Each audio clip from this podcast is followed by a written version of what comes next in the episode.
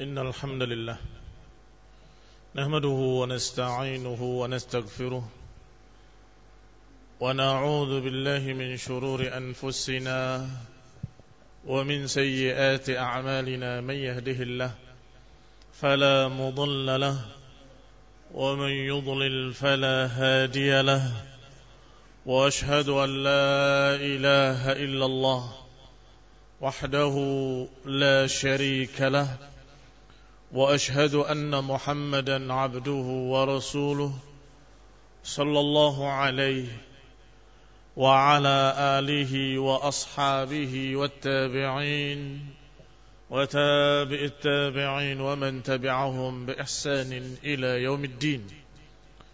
يا أيها الذين آمنوا اتقوا الله حق تقاته ولا تموتن إلا وأنتم مسلمون. يا أيها الناس اتقوا ربكم الذي خلقكم من نفس واحدة وخلق منها زوجها وبث منهما رجالا كثيرا ونساء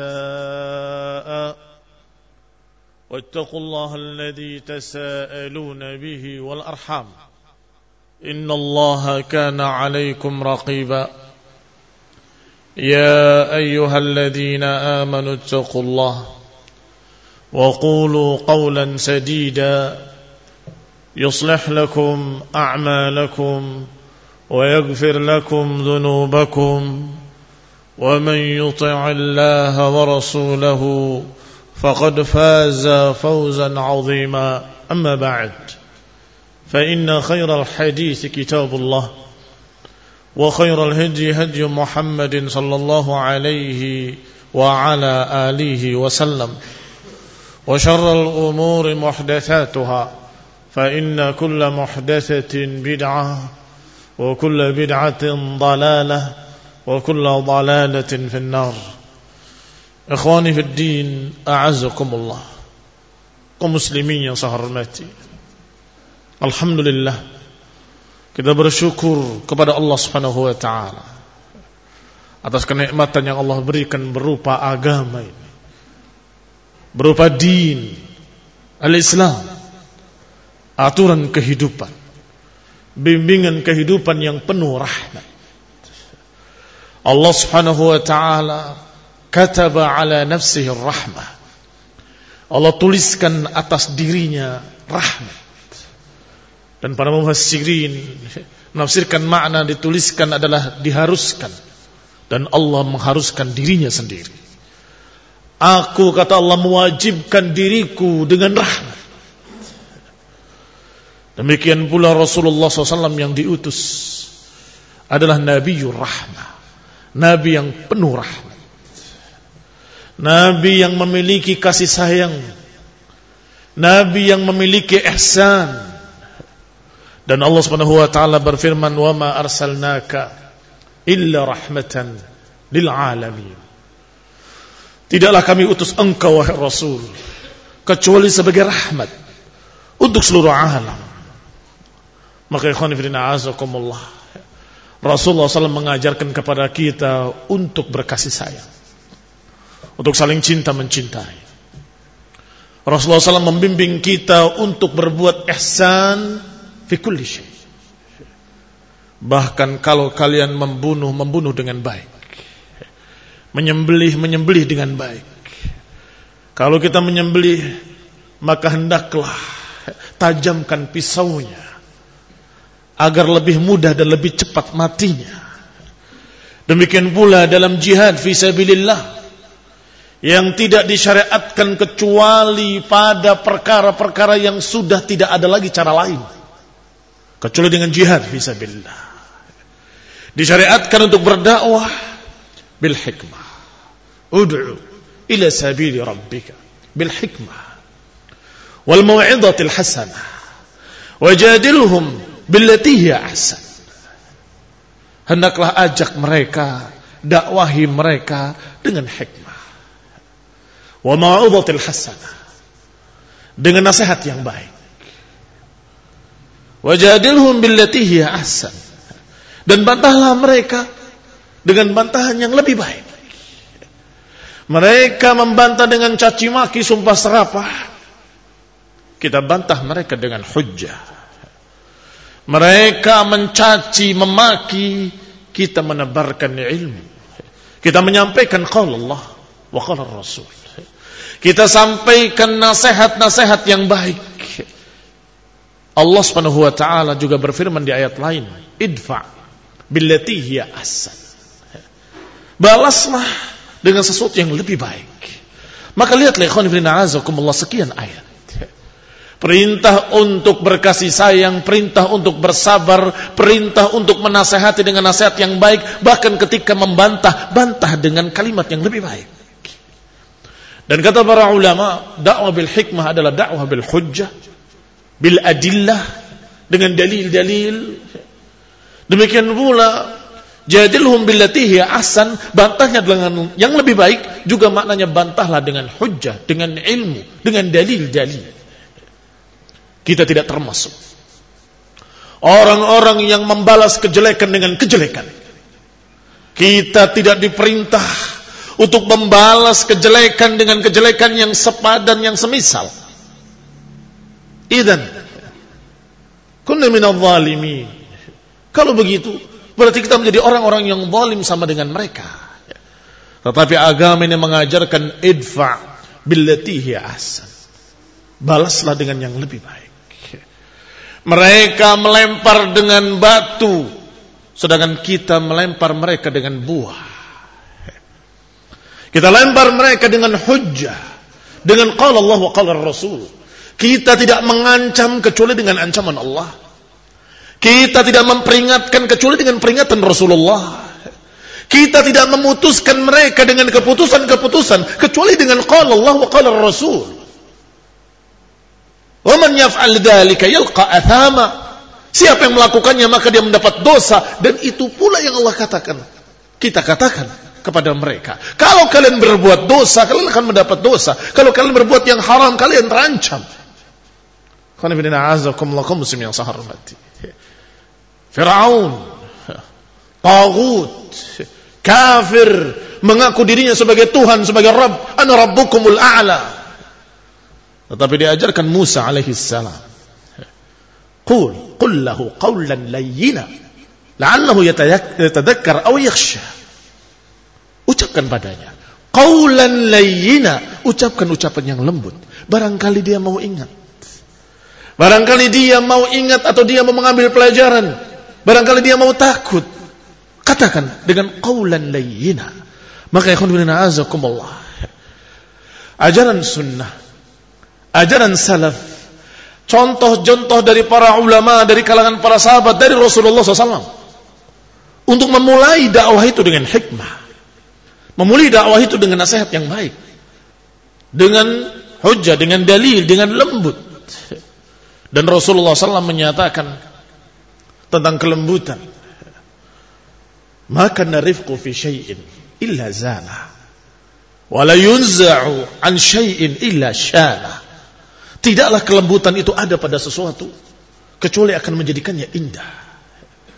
Tetapi tidaklah kelembutan itu tercabut dari sesuatu kecuali akan menjadikannya jelek. Masya Allah. Ucapan azim. Ucapan yang merupakan kaidah Bahkan tidak hanya pada perkara-perkara yang ma'nawi, pada perkara-perkara zahir juga sama. Kita lihat pekerjaan yang halus, masya Allah, bagus. Tapi pekerjaan yang kasar jelek. Ternyata dalam masalah maknawi juga sama. Tutur kata yang baik, lembut, indah. Tutur kata yang kasar, mengandung sumpah serapah, caci maki, ucapan yang tidak pantas, jelek apa pun yang terkandung di dalamnya, maka sayang sekali. Kalau yang terkandung di dalamnya adalah hak, tetapi disampaikan dengan kejelekan, dengan lafat-lafat yang jelek. Kita khawatir.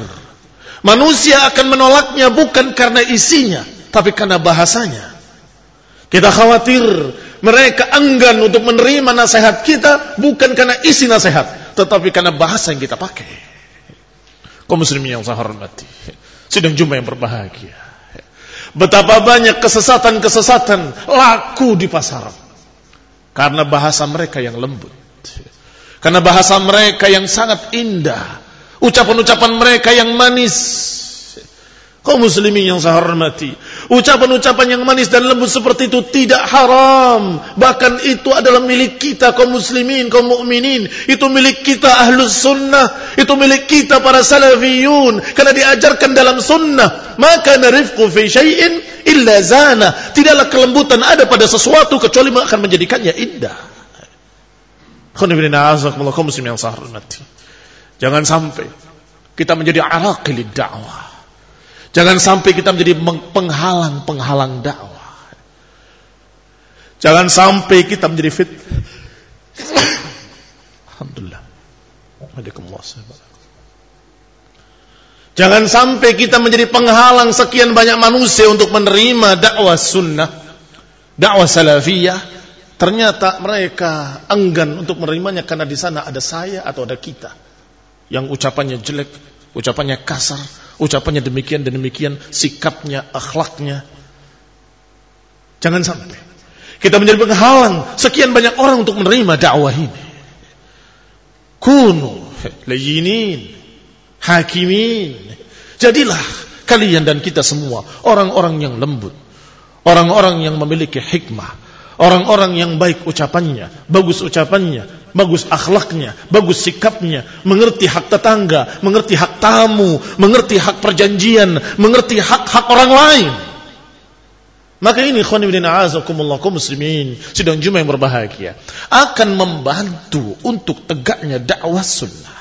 Akan membantu untuk diterimanya dakwah salafiyah, dakwah tauhid, dakwah al-haq. Rasulullah sallallahu alaihi wa ala alihi wasallam. Kalau ada seseorang yang enggan menerima dakwah ini, beliau sedih. Beliau merasa sedih dan kasihan dengan mereka. Bukan kemudian beliau dalam keadaan dendam kepada mereka. Tetapi sedih dengan mereka. Muslim yang saya hormati. Rasulullah sallallahu alaihi wa ala wasallam ditentang dimusuhi, disakiti, diusir, bahkan dilempari dengan batu. Tapi ketika didatangi malaikat, malakul jibal, aku disuruh oleh Allah untuk mentaati engkau wahai Rasul. Kalau engkau inginkan aku timpakan pada mereka al-akhshabaini, dua gunung batu ini pada mereka, la fa'altu. Niscaya aku akan lakukan. Yani kalau engkau mau aku timpa mereka dengan gunung ini, Aku akan lakukan. Diperintah oleh Allah untuk mengikuti perintah Rasul SAW. Tetapi tidak. Rasulullah SAW tidak menginginkan mereka diadab di dunia. Tapi beliau menginginkan agar mereka dapat hidayah. Ya Rabb. Jangan. Aku berharap mereka dapat hidayah. Kalau tidak mereka, anak-anak mereka, aku berharap mereka dapat hidayah. Dalam satu riwayat disebutkan dengan lafaz Allah maghfir lahum atau Allah mahdihim fa innahum la ya'lamun. Ya Allah berilah petunjuk pada mereka. Mereka belum paham. Dalam lafaz lain disebutkan bal narju min aslabihim man ya'budullah. Bahkan aku berharap min aslabihim dari turunan mereka akan ada yang beribadah kepada Allah. Kalau dedengkotnya susah, paling tidak anak-anaknya akan dapat hidayah. Ada seorang yang lebih rahmat dari Rasulullah SAW? Adakah seseorang yang arham minhu sallallahu alaihi wa ala alihi wasallam? Demikian pula para ulama setelahnya dari imam-imam ahli sunnah. Ketika ada jenazah orang kafir lewat, dia menangis. Sehingga orang-orang yang di sekitarnya berkata, Ya syekh, ya imam, ini orang kafir yang mati. Iya, aku tahu. Tapi bukankah itu berarti kita tidak berhasil mengislamkan dia sampai matinya? Bukankah itu berarti kita gagal menasehati dia, mendakwahi dia untuk masuk Islam, untuk selamat dari adab Allah? Merasa kalau dirinya adalah kurang dakwahnya sehingga ada orang yang sampai mati dalam keadaan kafir. Dia menginginkan seorang semuanya mati dalam keadaan iman, dalam keadaan Islam, Berarti ada rahmat untuk seluruh alam. Kepada orang-orang mukmin jelas Mereka adalah orang-orang yang perlu kita kasihi, kita cintai, kita bela, kita dukung. Orang mukmin dan orang-orang kafir. Di mana letak rahmat kita pada mereka? Kita berharap kalau mereka dapat hidayah masuk Islam. Gimana caranya? tak terpikirkan oleh mereka-mereka kaum-kaum ekstremis. Nggak terpikirkan oleh mereka kaum-kaum teroris yang mereka pikir bagaimana mereka mati binasa terbunuh selesai. Nggak berpikir bagaimana mereka bisa masuk Islam. Supaya dapat hidayah. Tidak berpikir ucapan Rasulullah SAW bahkan aku berharap dari turunan mereka akan ada yang beribadah pada Allah akan ada yang bertauhid. Kaum muslim yang saya hormati Demikian yang namanya rahmat. Kasih sayang harus ada di setiap hati-hati orang mukmin. Harus ada di setiap hati-hati seorang sunni salafi. Harus ada di setiap hati orang-orang yang mengenali Allah dan Rasulnya. Allah yang arhamur rahimin. Dan Rasul yang dikatakan Nabiul Rahmah. Nabi yang penuh rahmat. Harus kita tahu dalam hati kita bahwa agama ini agama rahmat, agama kasih sayang, menebar rahmat, menebar kasih sayang kepada seluruh manusia. Semoga Allah berikan hidayah pada mereka seluruhnya, kepada kita dan seluruh manusia ke dalam Islam, ke dalam tauhid. Semoga Allah berikan hidayah kepada mereka, mereka agar menjadi orang-orang mukmin, muwahhid, sunni. Amin. Wa sallallahu Muhammadin wa ala alihi wa ashabihi tasliman katsira.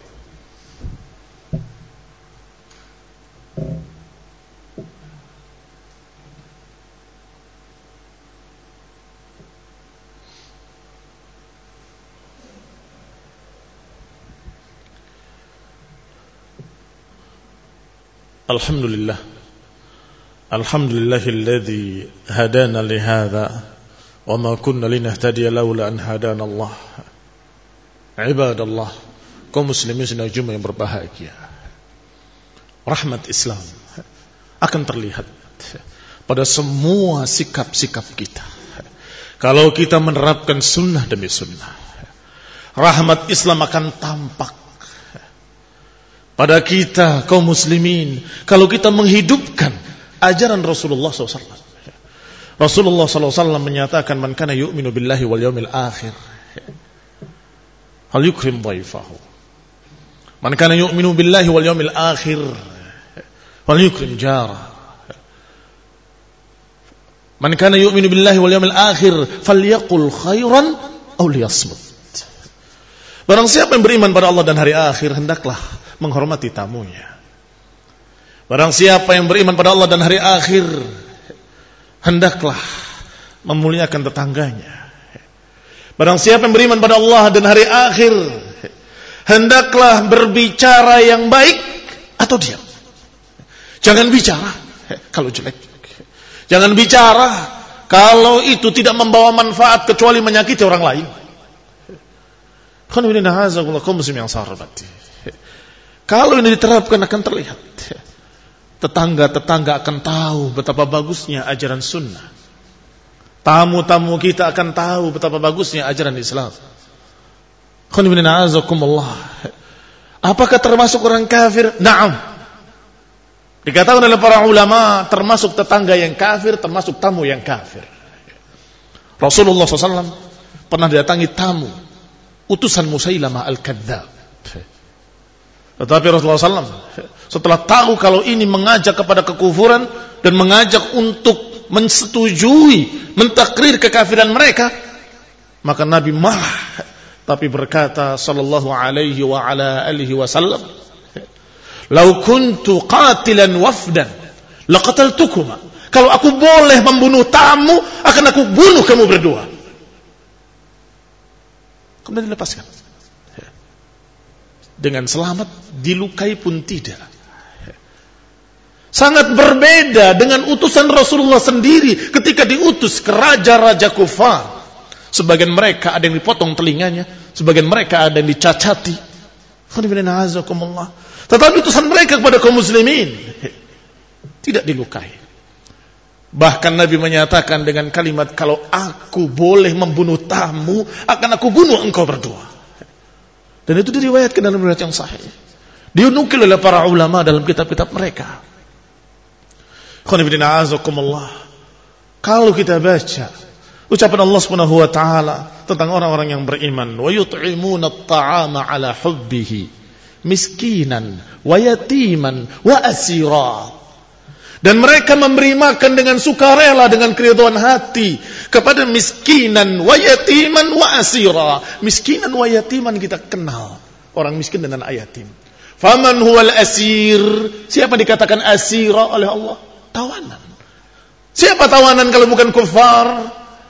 Yut'imuna at-ta'ama ala hubbi miskinan wa yatiman wa asira. Memberi makan pada orang miskin, anak yatim dan tawanan-tawanan. Sehingga tawanan-tawanan kaum muslimin hampir semua mereka masuk Islam. Mengapa demikian? Karena mereka kenal bagaimana Islam dari dalam. Kenal bagaimana sikap-sikap seorang mukmin muslim, kenal bagaimana sikap orang-orang yang berpegang dengan agama Rasul, agama sunnah. Betapa indahnya, betapa bagusnya. salah satu tawanan yaitu Sumamah oleh Rasulullah SAW diikat di tiang masjid. Di negeri kita ada seorang kafir masuk masjid jadi ramai, ribut. Padahal ini orang kafir ditaruh, diletakkan di tiang masjid, diikat di tiang masjid. Dan tiap hari melihat kaum muslimin salat. Tiap hari melihat khutbah-khutbah, ceramah-ceramah, kajian-kajian. Dan tiap hari disapa oleh Rasulullah SAW, bagaimana kabarmu? Ma indaka ya Thumama? Ma indaka ya Thumama? Ma indaka ya Thumama? Sampai Rasulullah SAW dijawab oleh Thumama, ya Rasulullah indi, atau dikatakan indi khaira. Aku punya kebaikan. Kalau engkau membunuh aku, aku orang yang punya darah. Kalau engkau Mau harta, silahkan sebutkan apa maumu. Kalau engkau akan berbuat baik kepadaku, aku orang yang berterima kasih. Ditinggal oleh Nabi. Besoknya ditanya lagi, ma indaka ya Thumama? Indi maqultu. Aku punya apa yang sudah aku katakan kemarin. Kalau engkau mau membunuh, aku orang yang punya darah. Kalau engkau mau berbuat baik, aku orang yang tahu terima kasih. Kalau engkau akan meminta harta, minta sebanyak yang kau mau. Karena aku adalah pimpinan kaumku. Ditinggal lagi oleh Nabi. Terus ditanya, ditanya. Sampai Rasulullah SAW melihat kejujuran orang ini. Sepertinya sungguh-sungguh. Karena jawabannya tidak berubah. Indi makultu. Indi makultu. Maka Nabi tidak memilih yang pertama, tidak memilih yang ketiga. Memilih yang kedua. Barangkali. Benar-benar dia memiliki terima kasih.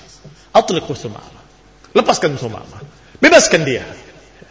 Para sahabat sami'na wa ta'ala. Dibebaskan thumama. Maka Thumamah pergi ke kebun kurma, mandi, setelah itu balik kembali ya Rasulullah. Aku beriman bahwa engkau adalah Rasulullah. Asyhadu an la ilaha illallah wa asyhadu annaka Rasulullah. Kenapa? Apa menyebabkan dia terdorong untuk masuk Islam? Adab, akhlak, rahmat. Tahu betul bahwa Rasul ini menginginkan kebaikan pada Thumamah. Tahu betul bahwa kaum muslimin menghendaki kebaikan pada orang-orang kafir, bukan menghendaki kejelekan. Karena terlihat dari bukti-buktinya, dari ucapan-ucapannya, dari sikap-sikapnya, dari akhlaknya. masih kata Sumamah, Ya Rasulullah, aku adalah pimpinan kaumku. Dan orang-orang Quraisy tidak menerima gandum kecuali dari tempat kami. Sungguh demi Allah, saat ini aku tidak akan berikan. Boleh hari ini satu gandum pun nggak akan aku berikan pada mereka sampai ada izin darimu ya Rasulullah. Masya Allah. Radiyallahu ta'ala anhu. Kau muslimin yang saya hormati. Dan ini bukan kejadian yang satu-satunya. Masih banyak lagi sikap-sikap Rasulullah sallallahu alaihi wa ala alihi wasallam yang sungguh menyebabkan orang lain tertarik pada agama ini. Pada agama Islam dan itu sunnah itu ajaran Rasulullah SAW. Itu contoh teladan. Laqad kana lakum fi Rasulillahi uswatun hasanah. Liman kana yarjullah wal yawmal akhir. Wa katsira. Telah ada bagi kalian pada diri Rasulullah SAW tauladan yang baik. Masih ingat juga kisah bagaimana seorang anak muda yang mencaci Rasulullah SAW, mengejek Rasulullah SAW setiap Rasulullah lewat. Sampai ketika Rasulullah SAW lewat tidak mendengar lagi suara itu, dia bertanya, ke mana? Dia sedang sakit. Sakit keras. Nabi datang ke rumahnya. para ulama berpendapat berfatwa bolehnya menengok orang kafir yang sakit kalau ingin mendakwahi. Kalau bukan karena ingin mendakwahi, hanya cinta tidak boleh. Kita tidak cinta pada orang kafir. Maka Allah SAW datang menengoknya. Ada apa, kenapa? Dan kemudian diajak untuk masuk Islam. Maka anak itu sudah tertarik. Tapi menengok ke bapaknya. Ternyata subhanallah, bapaknya juga sudah tertarik karena adab dan akhlaknya Rasulullah menyatakan ati' Abul Qasim, turuti Abul Qasim. Maka dia turuti asyhadu an la ilaha illallah wa anna Rasulullah. Dirinya menjadi korban dicaci maki, tidak apa-apa. Yang penting dia masuk Islam. Dikorbankan perasaannya. Ditunjukkan adabnya. Bahkan ada seorang ulama yang sepanjang masa sekian lama bertahun-tahun bertetangga dengan orang kafir di atas, dia di bawah. Dan tetesan air dia yang kotor itu melewati rumah dia. Dan tidak ketahuan sekian tahun.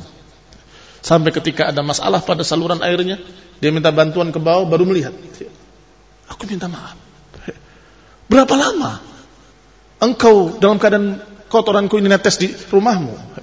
Sudah sekian puluh tahun. Maka sungguh orang kafir tadi sangat tertarik. Sungguh sangat bagusnya agamamu ini. Yang mengajar kamu untuk demikian dan demikian. Ini khudin azakumullah sudah langka. Karena mereka tidak melihat bagaimana adab-adab sunnah. Yang mereka tahu bahwa orang kafir harus mati. Orang kafir harus dibantai. Orang kafir harus orang kafir itu harus didakwahi dinasehati, ditunjukkan agar mereka bisa masuk Islam. Inilah keadilan Islam. Inilah adab Islam. Inilah akhlak Islam. Dan ini pun satu sunnah. Kalau ternyata sudah sekian cara-cara-cara tidak bisa. Mereka bahkan mengganggu dan menghalangi. Maka kita bukan para penakut. Kita siap perang visabilillah. Dan itu yang Allah katakan, qatilul ladina yuqatilunakum Perangilah mereka-mereka yang memerangi kalian. Perangilah mereka orang kafir yang memerangi kalian, yang menghalangi kalian dari jalan Allah. Perangi mereka. Itu pun masih dipenuhi rahmat. Kata Nabi berpesan pada pasukan perangnya. La taqtulu walidan. Jangan bunuh anak kecil. Jangan bunuh imra'at. Jangan bunuh perempuan. Dan jangan bunuh orang yang tidak ikut perang. Ini warga sipil disebutkan dalam lafadznya dengan asifan. Wala taqtulu asifan. Demikian pula Rasulullah SAW menyatakan wala tumathilu dan jangan cacati musuh. Apa kata Allah dalam Al-Quran? Wadribu minhum kulla banan. Pukullah tangan mereka dan leher-leher mereka. Kata para ulama kenapa tangan dan leher yang diarahkan? Leher cepat mati Tangan tidak bisa lagi mengangkat pedang. Itu. Tidak disuruh untuk mencongkel matanya. Tidak disuruh untuk memotong telinganya. Tidak disuruh untuk mengorek jantungnya. Karena jihad ini bukan dendam. Karena jihad ini bukan melampiaskan dendam. Kalau melampiaskan dendam mereka telah melakukan pada seorang yang mulia, Hamzah radhiyallahu taala anhu, paman Rasulullah SAW, yang mereka robek dadanya, mereka keluarkan jantungnya, mereka kunyah, tetapi ketika masuk Islam diterima Islamnya. Demikian pula ketika berperang mereka mati tidak membalasnya. Tidak melakukan hal yang sama. Karena memang bukan pembalasan. Kalau mereka mau masuk Islam, berhenti. Berhenti peperangan. Kalau mereka sudah menyerah dan ingin masuk Islam. Kaum muslimin yang saya hormati. Semoga Allah SWT memberikan hidayah kepada kita dan seluruh kaum muslimin. Agar bisa menegakkan sunnah dengan sunnah. Agar bisa menegakkan rahmat agama ini. Agar bisa menunjukkan keindahan Islam kemuliaan Islam. Kaum muslimin yang saya kita berharap pada Allah Subhanahu wa taala agar memberikan hidayah kita kepada seluruh kaum muslimin dan juga memberikan hidayah kepada mereka-mereka yang memiliki hati yang bersih. Semoga Allah berikan petunjuk ke dalam Islam ke dalam sunnah ke dalam agama ini, agama yang mulia. Allahumma salli ala Muhammad wa ala Muhammad kama sallaita ala Ibrahim wa ala Ibrahim wa barik ala Muhammad wa ala Muhammad kama barakta ala ali Ibrahim innaka Hamidum Majid. Subhanakallahumma bihamdika asyhadu an la ilaha illa anta astaghfiruka wa atubu ilaik. Wa aqimis salat.